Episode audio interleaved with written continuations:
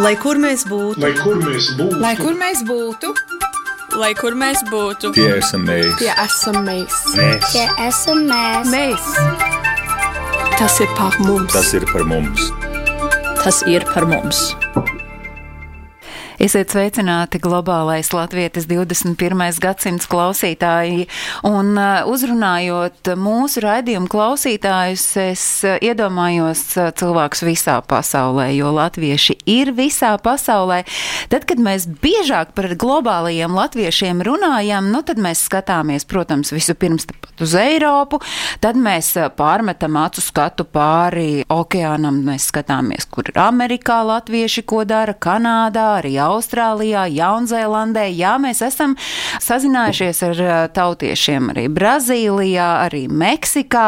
Nu, jāteic, Āzija ir tāda drusciņa pabērna lomā bijusi mūsu raidījuma ietverā, mazāk bijusi mūsu redzeslokā, bet kā jau es minu, latvieši ir visur un latvieši ir arī Āzijā, kas mums reizēm šķiet tāla, varbūt sveša, nelīdz galam zināma un saprotama. Un pēdējo desmit gadu laikā ir intensīvi ekonomiskie sakari izveidoti ar Dienvidkoreju. Nu, tā ir valsts, kuru pasaulē mēs plaši zinām ar augstajām tehnoloģijām, tostarp arī ar skaistumu kopšanu un, nu, ko tur liekties arī vietējās kulinārijas produktiem. Un tā kā šeit dzīvo latvieši, tad mēs šodien esam sazinājušies ar tur dzīvojošiem, ar Dienvidkorejā dzīvojošiem latviešiem. Un, nu, mēģināsim saprast, kā tad ceļi vienu latviešu cilvēku bērnu aizved līdz Seulai, un kā tad ir latvietība uzturēt tomēr tik tālā zemē un, jā, arī dzen atšķirīgā kultūrā. Un gal galā mums ir jāsaprot, kā biznesa bruģē ceļu draudzībai Latvijas un Korejas starpā. Tas ir tas, par ko runāsim šoreiz raidījumā Globālais Latvietis 21. gadsimts. Studijā šeit mums ir Zana Bitiniece, kura ir Latvijas Investīcija un attīstības aģentūras valsts tēla nodaļas vadītājs. Sveicināti, Zane! Sveicināti!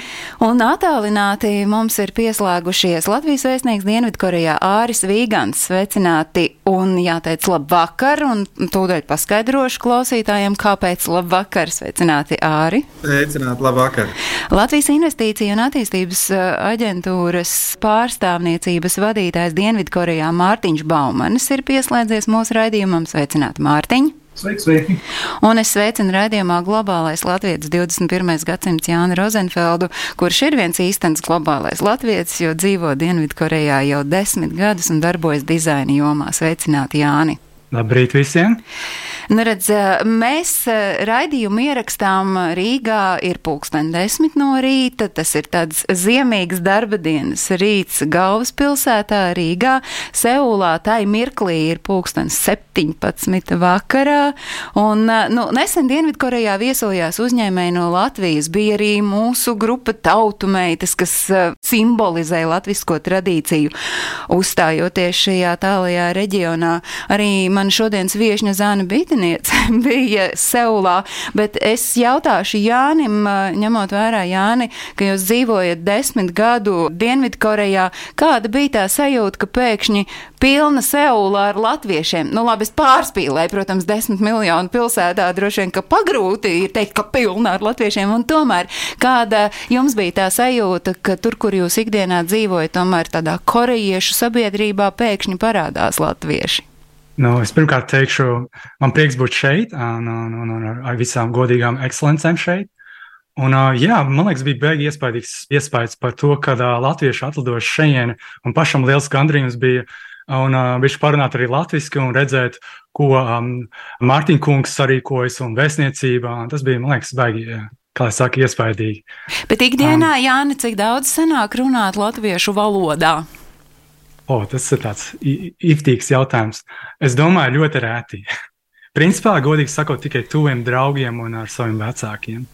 Bet, ņemot vērā, ka Jāni, jūs minējāt, jiftīgs jautājums, tad kaut kas jūsos no tā latviešu ir palicis diezgan gruntīgi, jo tas ir tāds latviešu sarunvārds, tādu droši vien, ka Korejā ikdienā nelieto. Es manis pieminētā ciemošanās eh, Dienvidkorejā, tā, protams, nebija nejaušība. Es jautāju Zanai, kā Latvijas investīciju attīstības aģentūras valsts tēla nodaļas vadītājai, tas eh, bija rūpīgi plānots notikums, un kā jūs vērtējat, kas notika tajās Latvijas dienās Dienvidkorejā Seulā? Jā, nu, patiesi tas bija ļoti rūpīgi plānots notikums, un Latvijas dienas tas ir tāds valsts mēroga mārketinga pasākums, ko mēs no Latvijas Investīcija attīstības aģentūras puses organizējam dažādos savos eh, mērķa tirgos. Un Koreja ir viens no mūsu tālajiem mērķa tirgiem. Viņa ir ārkārtīgi svarīga gan eksportā, gan investīciju piesaistē. Un Latvijas dienām ir vairāk mērķi. Viens no tiem ir, protams, atvērt šo tirgu, tālo tirgu mūsu Latvijas ražotājiem, viņiem vairāk ļaut šo tirgu iepazīt, bet no otras puses, protams, arī pastāstīt pašiem korejiešiem, kas tad tie latvieši izstādi ir kādi ir šie mūsu produkti, kādas ir mūsu tehnoloģijas, kāda ir mūsu kultūra, kādas ir mūsu grāmatas. Nu, un tad mūsu mērķis šeit, Latvijā, sadarbībā ar vēstniecību un, protams, mūsu pārstāvniecību Korejā, bija šo visu lielo programmu sapakot un aizvest uz, uz Koreju un korejiešiem tad arī ļaut, tā teikt, izbaudīt šo Latvijas garšu visos iespējamajos veidos. Un, protams, ka mērķis ir, lai viņi tiešām mūs vairāk iepazīst, lai viņi pērk Latvijas produktus, lai viņi izvēlas Latviju kā varbūt potenciālo gala mērķi savam kādam atvaļinājumam.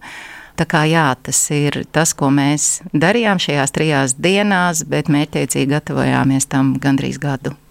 Bet ikdienā savukārt to savu stāstu par Latviju visticamāk stāstāt jūs, tie, kur tur ikdienā dzīvo un uzturs. Un Jāni, cik sen, tad desmit gadus jūs esat un tomēr. Cik sen jūs varbūt varat sevi saukt par tādu e, riktīgi, nu, ar abām kājām nostājušos Korejā latvieti? Paldies par šo jautājumu. Um, jā, Desmit gadi, citi saka, es pat ilgāk sēžu šeit. Tas ir tiešām nu, aizskrējis tik ātri, ka liekas, ka es būtu pāris gadus jau tā iejuties. Jau, kā jā, apprecējies esmu šeit, un, un, un jā, ļoti iejuties esmu šeit. Un arī pateicoties arī vēstniecībai šeit un, un dažādiem Latvijas pasākumiem, kā piemēram Jāņa un, un Latvijas dzimšanas diena, tas man piesaista višku nejūtos tik tālu no šejienes, no Latvijas, gribu teikt. Kā nokļuvāt un, un kā... Eh, Seulā? Kāds bija tas ceļš, kā jūs nokļuvāt līdz Dienvidkorejai? Uh, tā īsumā teikšu. nu, es sāku vispār nu, no Dānijas. Es studēju un strādāju piecus gadus šeit, un man bija ap 2012. gadus, tas bija kaut kur tā. Un man bija ļoti liela interese par Āziju, un uh, man sanāca tāda iespēja būt apmaiņas programmā Dienvidkorejā. Un es biju izcelts kā viens no izceļiem studentiem no turienes, un man bija tāda piešķirta iespēja studēt Korejā, Dienvidkorejā. Un, jā, un tā es te nonācu šeit. Tas kādu, jā, kādā 2000. 14. gadā sanāk, es šeit esmu kaut kas tāds aptuveni. Es minēju, dizaina jomā strādājat.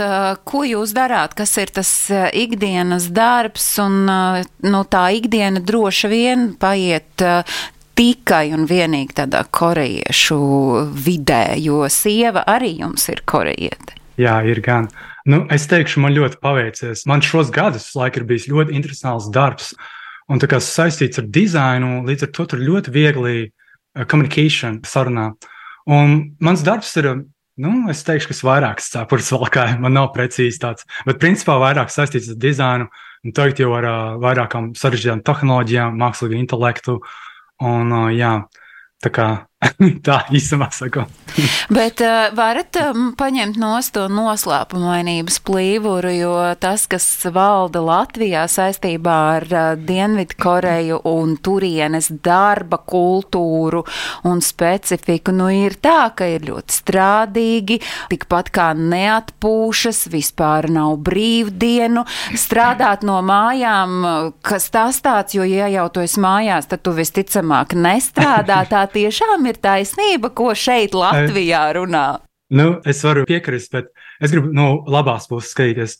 Kad tu strādā Korejā, tev ir sajūta, ka tu kā ģimenēs, tie ir tev labākie tev draugi, un tā ir tava ģimene. Un, uh, tu tā kā tāds tā kā gandarījums, tu strādāji kā otrai ģimenei. Un, un līdz ar to nav tā, ka šausmīgs apgrūtinājums vai smagas stundas garas. Tas tieši tā iepriecina, ka tu vari paļauties uz saviem darbiniekiem, viņi paļaujas sevīm.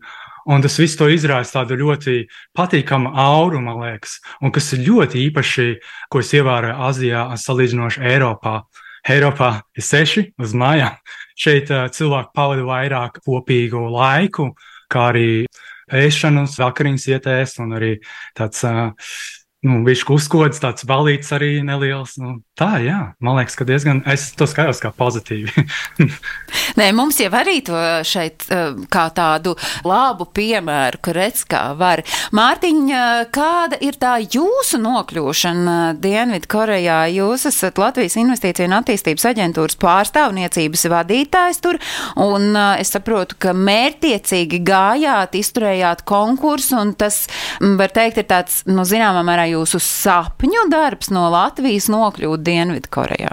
Jā, šobrīd tas noteikti ir, ir, ir sapņu darbs. Tas nebija tik vienkārši ceļš, un, un uh, lai to izstāstītu, droši vien mums nepieciešams izraidījums. Bet, uh, jā, es jau, jau studiju laikā Londonā satiku daudz, daudz korejiešus un sāku mācīties valodu, jau, jau studējot jau pilnīgi citā pasaules malā. Un, uh, tā dzīve man aizveda uz Koreju. Sākumā strādāju pilnīgi citu darbu. Es mācīju korejiešu lieliem uzņēmumiem, kā prezentēt sevi tieši Eiropā, kā atbraucot uz Eiropu, pastāstīt kaut ko par sevi. Uh, Bet, eh, kad es pamanīju, ka ir iespēja vispār savienot Latviju un Koreju, tas šķiet, ka tas tās, tās lietas, kas man noteikti, tāda tipa lietas man ļoti, ļoti patīk un, un ļoti tuvs sirdī, un tas tiešām izvērtās par sapņu darbu.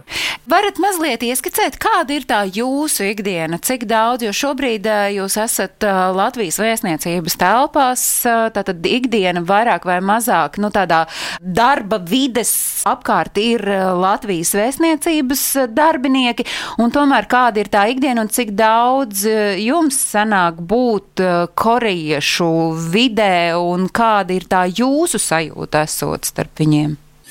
Jā, nu, sakarā ar Latvijas dienām, kas bija, protams, viss, viss tāds ambiciozākais un lielākais pasākums šī gada laikā, man ikdiena ļoti palika divreiz, trīsreiz dinamiskāka. Uh, Bet arī pirms tam ir tā, ka jā, mēs telpās ļoti, kā, kā ģimene, kolēģiem vienmēr uh, strādājam kopā, bet man vienmēr kaut kur ir jāskrien. Vienmēr ir kaut, kur, kaut kur jāizskrien uz kādu tikšanos, uz, uz kaut ko jāapstāsta, kaut kas jā, jānočeko, ja ir kādas Latvijas korejas biznesa labas lietas vai sliktas lietas, tur man jābūt klāt un, un, un jāmēģina to, to uzlabot, teiksim tā. Un, bet, uh, nu, tieši, tieši tā, es nu, pastos vakarā, kas man no rīta, kuras tikšanās, un uz tām mēs braucam. Un, un, Un tajā pašā laikā, oficiālā esot, jā, ir, ir, ir, ir, ir, ir, ir laiks padomāt par plāniem uz nākotni. Un tā mēs visu laiku ņemam gan to īstermiņa, gan to ilgtermiņa.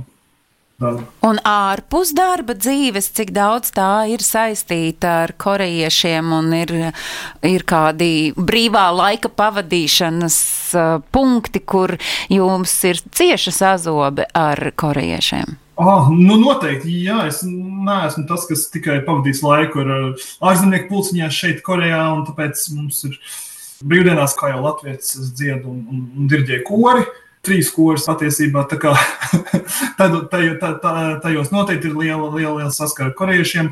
Arī citādi mums te ir grupa ar korejiešiem. Tā kā muz, muzikāli mēs arī mēģinām atrast tās kopīgās uh, lietas, bet uh, citādi arī vienkārši, jā, ar korejiešiem. Da, darbs un, un, un, un privātā dzīve ļoti, ļoti sasaistīta, teiksim tā. Un tādēļ, tu nemaz nevari, kā jau Jānis teica, tu sešos ne, nepārstāji būt darbā, un tu ne, nepārstāji kā, meklēt jaunus sadarbības veidus vai, vai kādu biznesu attīstīt. Tādēļ arī visi arī biznesa sakari šeit vienmēr ir. Tam, tāpat arī daudz dažādu pienākumu ārpus darba jābūt klāt viņu kāzās, nē, bet jebkādos pasākumos, un, un tas viss ir ļoti sastarpēji savīts. Mums parasti šeit saka, ka tev vajag nodalīt to darbu mājas un, un darbu uz mājām nenest un mājas uz darbu nenest. Tad izrādās, ka šai kultūrā tas ir pat nepieciešams, lai tu vispār varētu dzīvot un izdzīvot.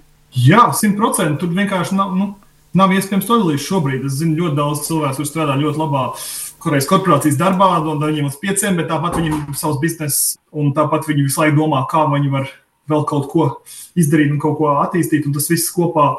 Nu, tā ir dzīve vienkārši. Darbs ir dzīve, bet tādā varbūt ne tik ļoti tādā sliktā nozīmē, jā, bet tādā aizrautīgā nozīmē. Mazliet pieķeršos kori, trīs kori. Tie ir kādi kori, kādu mūziku jūs izpildāt? Jā, jā, mums ir trīs, nu, tā ir viena organizācija, bet tas mēs esam 2018. gadā ieguvām prezidenta balvu, bet esam labākais amatieru kurs Korejā. Eh, viņš ir sastāv no gan ārzemniekiem, gan korejiešiem. Un, un, Tur eh, vadītājs ir, ir ASV pilsonis, kurš, kurš pirms 15 gadiem pārvācās uz Koreju un tad arī uzbūvēja savu organizāciju, kur mēs gan dziedam ar, ar, ar, ar visiem, kur grib dziedāt, mēs gan arī dziedam vairāk atlasītā korī. Un, un kā arī, protams, ir mūsu bērnu kori, tā kā to saskarī mēs, mēs mēģinām dažādās, dažādās jomās. Un, un, jā, kā teikt, 2018. gadā viņi, viņi uzvarēja prezidenta kausa izcīņā. Pēc tam bija likums, ka jābūt tikai Korejas pilsoņiem, tāpēc viņi nevarēja piedalīties vairāk. Taču atkal šo likumu apgriez, un, un laikam šogad mēs atkal cīnīsimies par labāko amatieru kori. Koreja. Drīkst arī to repertuāru mazliet ieskicēt, kas ir tas, ko jūs uh, izpildāt, vai tā ir korejiešu mūzika, vai jums ir iespēja lobēt arī Latvijas autoru darbus? Jā, Latvijas autori ir ļoti pieprasīti, kā kora mūzika mums ir pasaules līmeņa. Mums ir korejieši arī rangs, viņa tautsdzies mēs vienmēr dziedāsim, bet mums ir skanējis, jā, gan Mārtiņš Brauns, gan Ešenvalds, gan gan, manuprāt, Dubra. Es domāju, kā, kā jau teicu, tā, tā kā, tā kā diriģents ir no ASV, viņiem ļoti labi izpratne tieši par Latvijas mūziku. Tur pat nevajag nevienu lobēt. Tur viņi paši meklē dziesmas no Latvijas un paši viņas dzied. Tas nav. Jā, tādā ziņā ir ļoti, ļoti viegli. Es atgādinu klausītājiem, ka es šobrīd runāju Latvijas Investīciju un attīstības aģentūras pārstāvniecības vadītāju Dienvidkorejā Mārtiņu Baumani, kurš eh, izrādās diriģē arī korus. Tas nozīmē, Mārtiņ, ka jums ar mūzikas pasauli bijusi saikne Latvijā. Nav tā, ka jūs aizbraucāt uz eh, Dienvidkoreju un atklājāt sevi uh, kordiriģenta talantu, vai ne? Nu, tik traki nav, nē, nav, nav galīgi. Nē. Kā teicu, man dzīve aizved arī uz Londonu, kur es studēju mūzikas vadību. Bet vienu gadu es biju Latvijā, diriģēju tādu, tāds tāls, jauktais koris uz augšu, čau, talsiem. Jā. kā arī pirms tam mediņu mūzikas skolā pavadīju daudz, daudz gadus. Tā kā nē, nu, es domāju, ka jā, ar ko vienmēr ir būtis. Šodien mūsu sarunā piedalās Mārtiņš un Jānis, kuri ir latvieši Dienvidkorejā, bet sarunā piedalās arī Latvijas vēstnieks Dienvidkorejā Āris Vīgants un vēstniekungs. Es jautāšu jums, nu, šeit ir divi čaļi, kuri ir latvieši Dienvidkorejā, bet cik vispār ir tā latviešu kopiena, kupla Dienvidkorejā un vai visi vairāk vai mazāk ir Seulā koncentrējušies vai dzīvo arī kaut kur ārpus? Seulas? Jā, ne, ar šiem čaļiem mēs esam ļoti labi pazīstami. Mēs satiekamies ik pa laikam šeit, dažādos pasākumos. Bet kopumā pēc Korejas statistikas datiem, kas ir bijuši pieejami līdz septembra mēnesim, šobrīd Korejā dzīvo aptuveni 81 latvietis vai cilvēki no Latvijas. Tas arī priekš mums ir neliels pārsteigums, jo faktiski ikdienā ļoti grūti, protams, novērtēt, cik daudz uh, ir uh, latvieši šeit, uh, Korejā. Jo cilvēki, principā, kas atbrauc dažādu iemeslu dēļ, ir viena daļa, kas ir izveidojuši ģimenes šeit, Korejā, viena daļa, kas strādā. Bet lielākais vairums, principā, varētu būt studentu skaits, kas ir aptuveni, es teiktu, pat varbūt, varbūt līdz pat 30 studentiem. Mums precīzu datu nav, kas vai nu piedaloties dažādās apmaiņas programmās, studē kādā no Korejas universitātēm, kas obligāti nav Seulā, vai arī brauc mācīties tieši korejiešu valodu, kultūru un vēsturi. Cik aktīvi jūs esat tā latviešu kopienā, ir 81 latvietis, un kā varbūt jūs katrs raksturotu to, kāda ir tā aktīvo latviešu kopiena? Sāksim vēstniekungs ar jums. Jā, es teiksim, pēc tiem korejiešu statistikas datiem aptuveni 30 cilvēki dzīvo Seulā. Tomēr Seula nav, protams, visa Koreja. Dažkārt, kad ja mēs rīkojam kādus pasākumus, jārēķinās, ka cilvēkiem ir grūti atbraukt no citām Korejas pilsētām.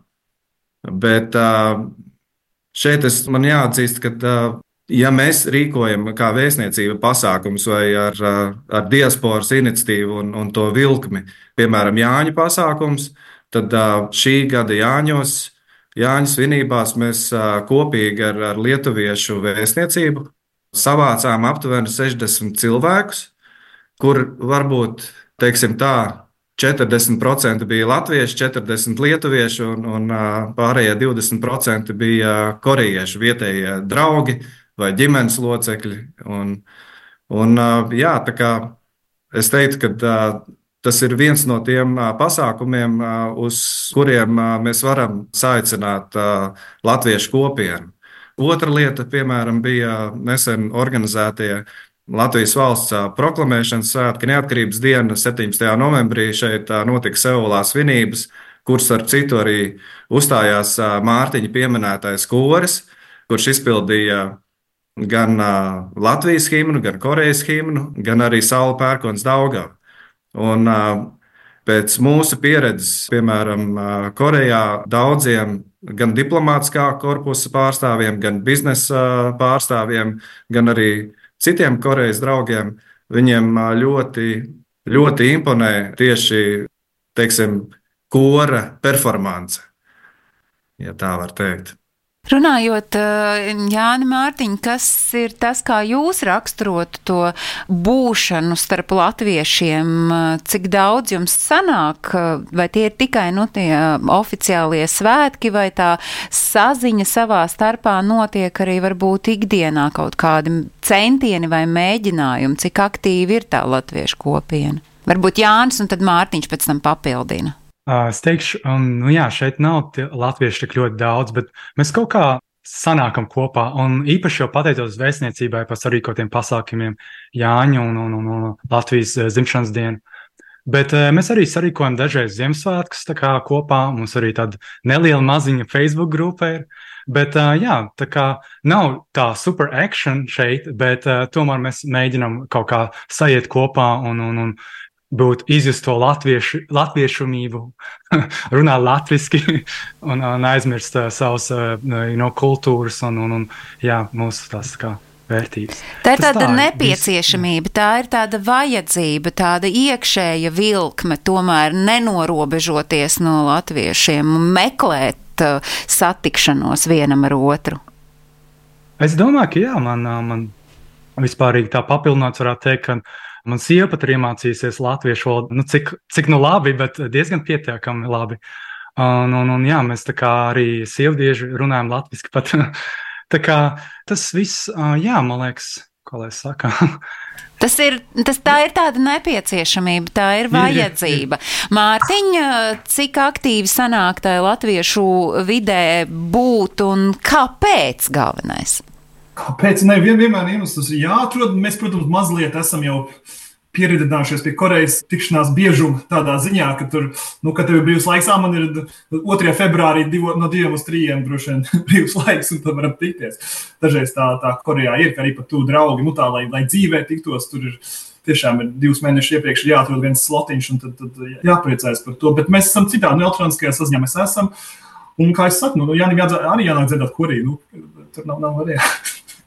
Tātad mēs esam principā šoreiz eh, raidījuma ietverā nokārtojuši, ka Jānis turpmāk arī korī piedalās, bet uh, tas ir, es esmu stereotipiska un tas ir droši vien tāds klasisks jautājums, ko prasa tad, kad kādu ilgāku laiku dzīvo prom no Latvijas.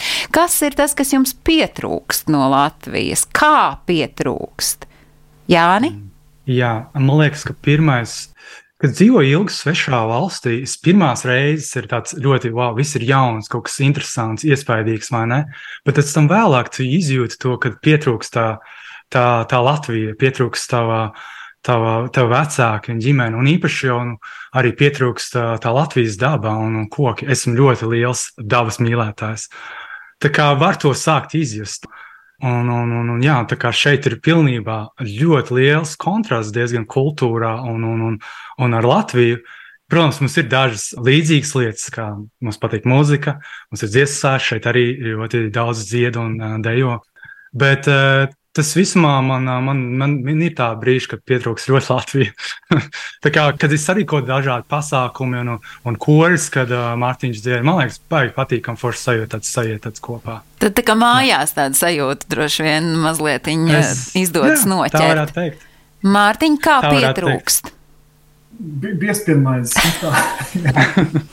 Saldās vai, vai sāļās piedot? Nu, vispār jau saldās, man ļoti patīk saldām. Bet uh, man atkal ir paveicies, man tomēr pirmkārt ir jāved korejieši uz Latviju, viņi jāprāt, cik Latvija ir, un tad man arī pašam jāpiedzīvo atkal no jauna, kas ir labs Latvijā. Tā kā man tieši darba dēļ šausmīgi paveicies, ka, ka nu, vismaz trīs mēnešos reizes arī esmu Latvijā. Tā kā tik traki arī nav, ka, ka kaut kas šaus, ļoti, ļoti pietrūkst, taču katru reizi, kad es esmu Latvijā, tāda kaut kāda komforta sajūta uzreiz tāds. Lai, lai kas notiek, to vairs nu, tu nevari par ko, neko uztraukties. Vismaz kaut kādu, kādu nedēļu. Tā, nu, tā, lai kas notiek, tu tomēr esi mājās. Bet, nu, tā. Vēstniekums darba dienā jūs principā jau esat Latvijā, jo vēstniecība jau ir tā Latvija, Dienvidkorejā. Un tomēr, kas ir varbūt tas, kas jums pietrūkst, vai kas ir tas, pēc kā jūs ilgojaties Latvijā? Visas savas diplomātiskās karjeras laikā, kas ir aptuveni 30 gadi, būdams vienmēr ārpusē, vienmēr, protams, atceramies par Latviju un, un, un pietrūkst viss, kas saistīts ar Latviju. Bet darba ziņā mēs jau esam nepārtraukti kontaktā, gan, protams, arī vietējā vēstniecībā, kā saka, mēs kontaktus uzturam ar pārējiem kolēģiem, tāpat tās ar, ar ministrijas kolēģiem. Tādā ziņā, teiksim, tā saskarsme varbūt tās nav tik tik liels izaicinājums. Bet uh, vairāk es teiktu, ka tieši Korejā, kamēr mums varbūt tās vēl nav pieejami šeit uh, veikalos, pārtikas veikalos Latvijas produkti tik lielā daudzumā, tad uh, tiešām uz Latviju aizbraucot, vienmēr mēs atklājam kaut ko jaunu, kāds jauns Latvijas produkts ir nācis piedāvājumā, un, un vienmēr to ļoti novērtējam. Un mans bērns vienmēr, ja mēs arī aizbraucam vai mums eh, iznāk eh, aizbraukt reizi gadā uz Latviju, tad man bērns arī eh, vienmēr pasūta Latvijas sāļos čipšus, ko šeit ir varbūt lielāks izaicinājums iegūt, teiksim, rupmaizi vienmēr ir augstā vērtē. Un, principā, jā, mēs, protams, vienmēr ilgojamies par Latviju. Un esot tur uz vietas, loģiski jūs esat tie vēstneši, kas rada sajūtu par to, kāda ir Latvija, kas ir Latvija. Kāda ir tā vispār korejiešu zināšana par Latviju? Tā ir kaut kāda nezināma valsts Eiropā, vai tomēr tā izpratne par to, kas ir Latvija, ir un jums ir izdevies to zināšanu iedot? Vēstniekungs? Jā, no mūsu puses ir tā, ka mēs, tas ir mūsu ikdienas darbs, faktiski strādāt ar, ar korejiešu sabiedrību, lai informētu gan par Latviju, lai veicinātu Latvijas atpazīstamību Korejā. Bet jāatzīst, un mēs izmantojam dažādus veidus, gan, gan rīkojot pasākumus, gan arī nu, pat, notika Korejā ļoti liela pārtiks izstāde, kur Latvija dominēja īsnībā ar ļoti, manuprāt, unikāliem produktiem. Un, nu, es ceru, ka tur būs veiksmīga sadarbība, ekonomiskā sadarbība nākotnē, kur no Latvijas pārstāvēja 12 uzņēmumi. Un, es teiktu, ka varbūt tās, kas korejiešiem ir grūti atpazīstams no Latvijas, ir varbūt tās tā mūsu, mūsu vēsturiskās zināmā mērā paralēlas vai vēsturiskās lietas, kas varbūt tās liedza senākajai vai vecākajai paudzei iegūt informāciju par Latviju. Ja ņemam vērā, ka Latvija izveidoja savu valsti 1918. gadā, tad Korejas Republika jau 1910. gadā tika anektēta no Japānas puses. Ja mums bija diplomātiskās attiecības kādreiz ar Japānu, tad ar Koreju mums faktiski izveidojās diplomātiskās attiecības 1991. gada oktobrī. Un faktiski šis laika posms, kad Latvija bija zem okupācijas, un arī kad Koreja bija zem okupācijas, un visas tālākās vēsturiskās peripetijas. Mums bija tikai iespēja 1991. gadā izveidot diplomātiskās attiecības, un faktiski trīs Baltijas valstis kopā ar Dienvidkoreju un Ziemeļkoreju arī vienā laikā, 17. septembrī 91. gadā, iestājās ANO. Un, kā, ja mēs ņemam vērā, ka mūsu diplomātiskās attiecības ir diezgan svaigas, kas ir pāri pa 30 gadiem, es teiktu, ka Latvijas vēstniecība, kur arī tika izveidota pirmā no Baltijas valstu grupas, ir aktīvi strādājuši, lai varētu veicināt atpazīstamību ne tikai no politiskā lauka, bet arī ekonomiskajā jomā un veicināt arī turisma attīstību. Un vēl ko varētu piebilst, ir tas, ka faktiski korejiešiem tā zināšanas par Latviju varbūt nav tik ļoti labi izteiktas. Cik es sapratu, tad ir bijuši veikti kādi tādi pētījumi, kur varbūt tās 19% no korejiešiem varbūt kaut ko zina par Latviju, un, un tajā pašā laikā 40% kuriem iespējams nav nekādas zināšanas. Jā, bet mēs Latviju. runājam par 50 miljonu aptuveni cilvēku. Jā. Līdz ar to tad jau tie, tie procenti vairs neizklausās bēdīgi. Nu, jā, ikdienā sanāk pateikt, es esmu no Latvijas. Kāda ir tā reakcija? Kas ir Latvija? Vai ah, kaut kur ir dzirdēts? Kuras procentus Jāni jums sanāk ikdienā sastapt? Nu, es nepateikšu precīzi procentus, bet es atceros, desmit gadus atpakaļ, vai tagad es pirmā īstenībā godīgi, tad tiešām ne īsti zināju Latviju, bet tagad es gan ļoti jūtu, ka cilvēks sāk zināt Latviju, kur ir. Jo man, um, es domāju, kā lai saka, tas būtu varētu cits stāsts, bet mana sieva nu, ir producente, viņa ir izstrādījusi programmu par Latviju, kur iedvesmoja ceļotājus ceļot uz Latviju, un tur vairāki miljoni noskatījušies. Un ļoti daudz cilvēku ceļoja tieši precīzi šādā raidījumā, uz Latviju. Un tas, man liekas, jau tāds diezgan liels tāds advertising, liekas, Latviju kā iepazīst. Un, man liekas, vēl viena lieta bija tāda, ka mums ir ar sievu tāds tā kā žurnāls, komiks, kur arī ir pa Latviju. Un uh, man liekas, ka tas viss tā kopumā, man liekas, sākts. Ah, jā, paldies! Jā, redz, kur no, vēstnieks tieši šobrīd rāda, kāds Jā. ir komiks. Tātad komiksu joma ir svarīga Dienvidkorejā, un tas ir veids, kā izstāstīt par Latviju. Jā, un man liekas, kas man ļoti patīk šo komiksu, ka viņš ir kā izglītošs, Latvijas sakot. Viņš nav tāds, viņš ir entertainment, ļoti, bet arī izglītošs. Un, un, protams, jā, un tur vēstnieks ļoti smuku vēstuli atstāja, paldies, ieteikumu. Un, jā, man, man tas lieta patika. Man liekas, ka tas kaut kā šādas aktivitātes veicina vairāk uzrunāt par Latviju un cik Latvija ir skaista. Un tas arī man iemāca dažādas interesantas lietas, ko es varbūt pat nezināju agrāk par Latviju. Vai arī, wow, ah, tagad atcerējos, ka tā ir. Tas tā, man tas baigi patīk, patīkam sajūta. Nu, tas no, tā īsumā teikt. paldies, bet no tāda biznesa viedokļa raugot, Mārtiņ, nu kas ir tas, ar ko korejiešus Latvija, latvieši, latviešu uzņēmēji var ieinteresēt? Kas ir tā ēsma, uz ko uzķeras korejiešu biznesa? Biznesa pasaule? Jā, ne, esmas droši vien ir vairākas, bet uh, kā mēs, mēs vienmēr runājam par zaļumu, par dabu, mēs runājam, un no tā visa izaug inovācijas. Mēs domājam par to, ka ok, mums ir.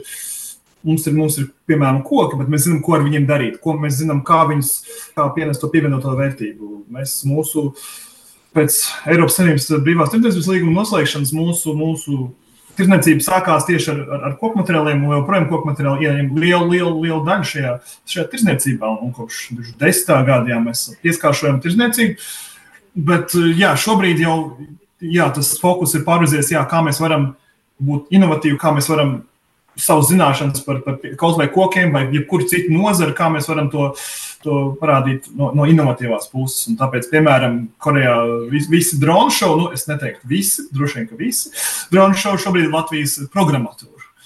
Piemēram, mēs esam tie, kas, kas bez, bez kuriem patiesībā Korejas pašvaldības nevarētu uzrīkot savus dronu šovus. Tā kā man šāds stāsts ļoti patīk, un, un, un, un tas arī ir tas, ka mēs varam korejiešiem iedot tā, to, kā viņiem nemaz nav. Un, un tādas lietas ir ļoti daudz.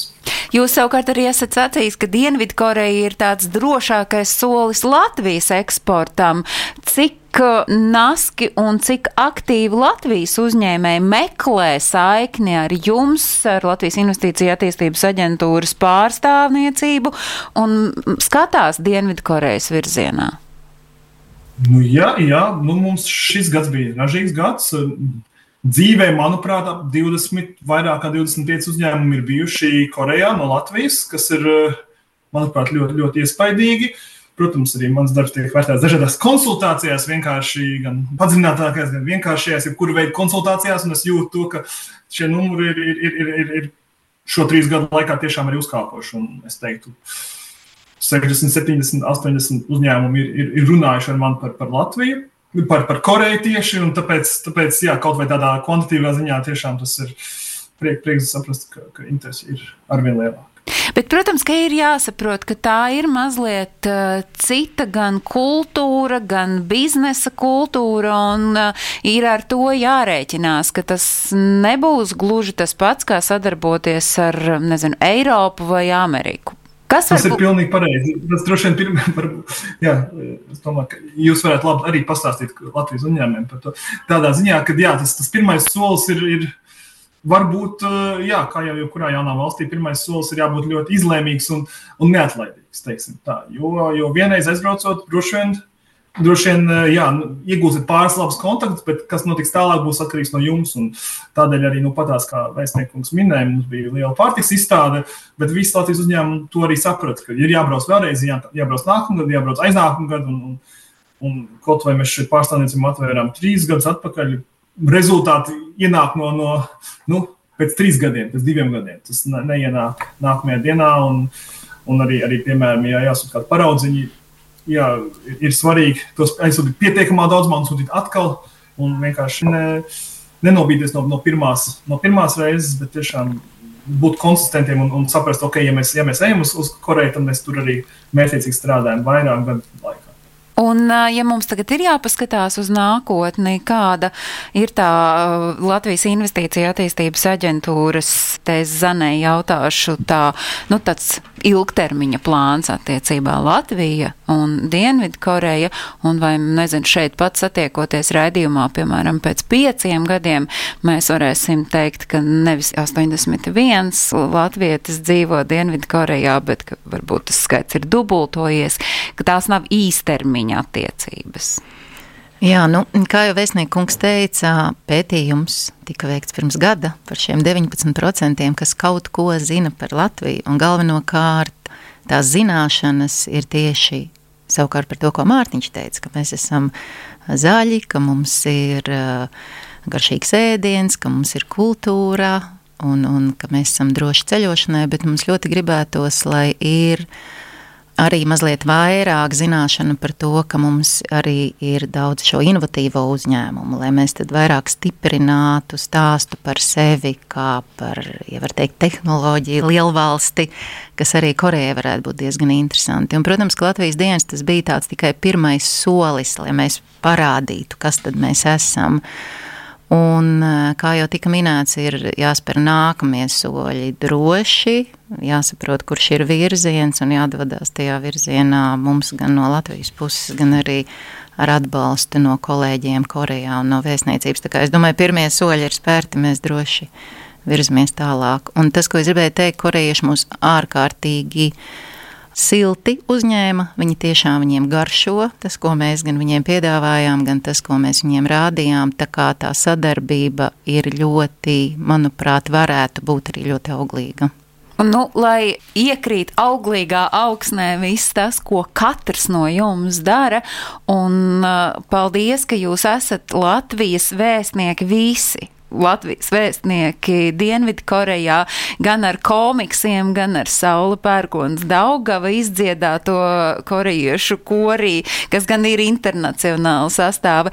Es saku paldies Latvijas vēstniekam Dienvidkorejā Ārim Vīgantam, paldies Latvijas investīciju un attīstības aģentūras pārstāvniecības vadītājiem Dienvidkorejā Mārtiņam Baumanim un paldies Jānim Rozenfeldam, kurš dzīvo Dienvidkorejā un darbojas dizaina jomā. Paldies arī Zanai Bītai vietiniecei no Latvijas Investīcija un attīstības aģentūras valsts tēlu nodaļas vadītājai. Un, jā, man ir tāda laba sajūta un milzīga pateicība, ka jūs mazliet mums visiem klausītājiem pavērāt to sajūtu, kāda varētu būt. Mēs tikai šobrīd varam uzbūrt to ainiņu, kā jūs jūtaties Dienvidkorejā. Paldies uh, arī klausītājiem, ka jūs bijāt šai reizē kopā ar mums un visi svarīgie notikumi. Un es domāju, ka arī tie notikumi, kas ir aktuāli latviešiem, kur dzīvo Dienvidkorejā, jūs meklējat portālā latvieši.com. Turpat arī varat meklēt informāciju par mūsu raidījumu. Mūsu raidījums ir meklējams arī Latvijas radio mājaslapā un atkārtojums radio versijā skan katru svētdienu uzreiz pēc ziņām trijos. Lai visiem ir mierpilna diena, jums rāms vakars Dienvidkorejā un uz tikšanos kādā citā reizē. Paldies! Lai kur mēs būtu, Lai kur mēs būtu, Lai kur mēs būtu, Lai kur mēs būtu, Tie esam mēs. tie esam mēs. mēs Tie esam mēs. Mēs! tas ir par mums. Tas ir par mums. Tas ir par mums. Globālais latvietis 21. gadsimts.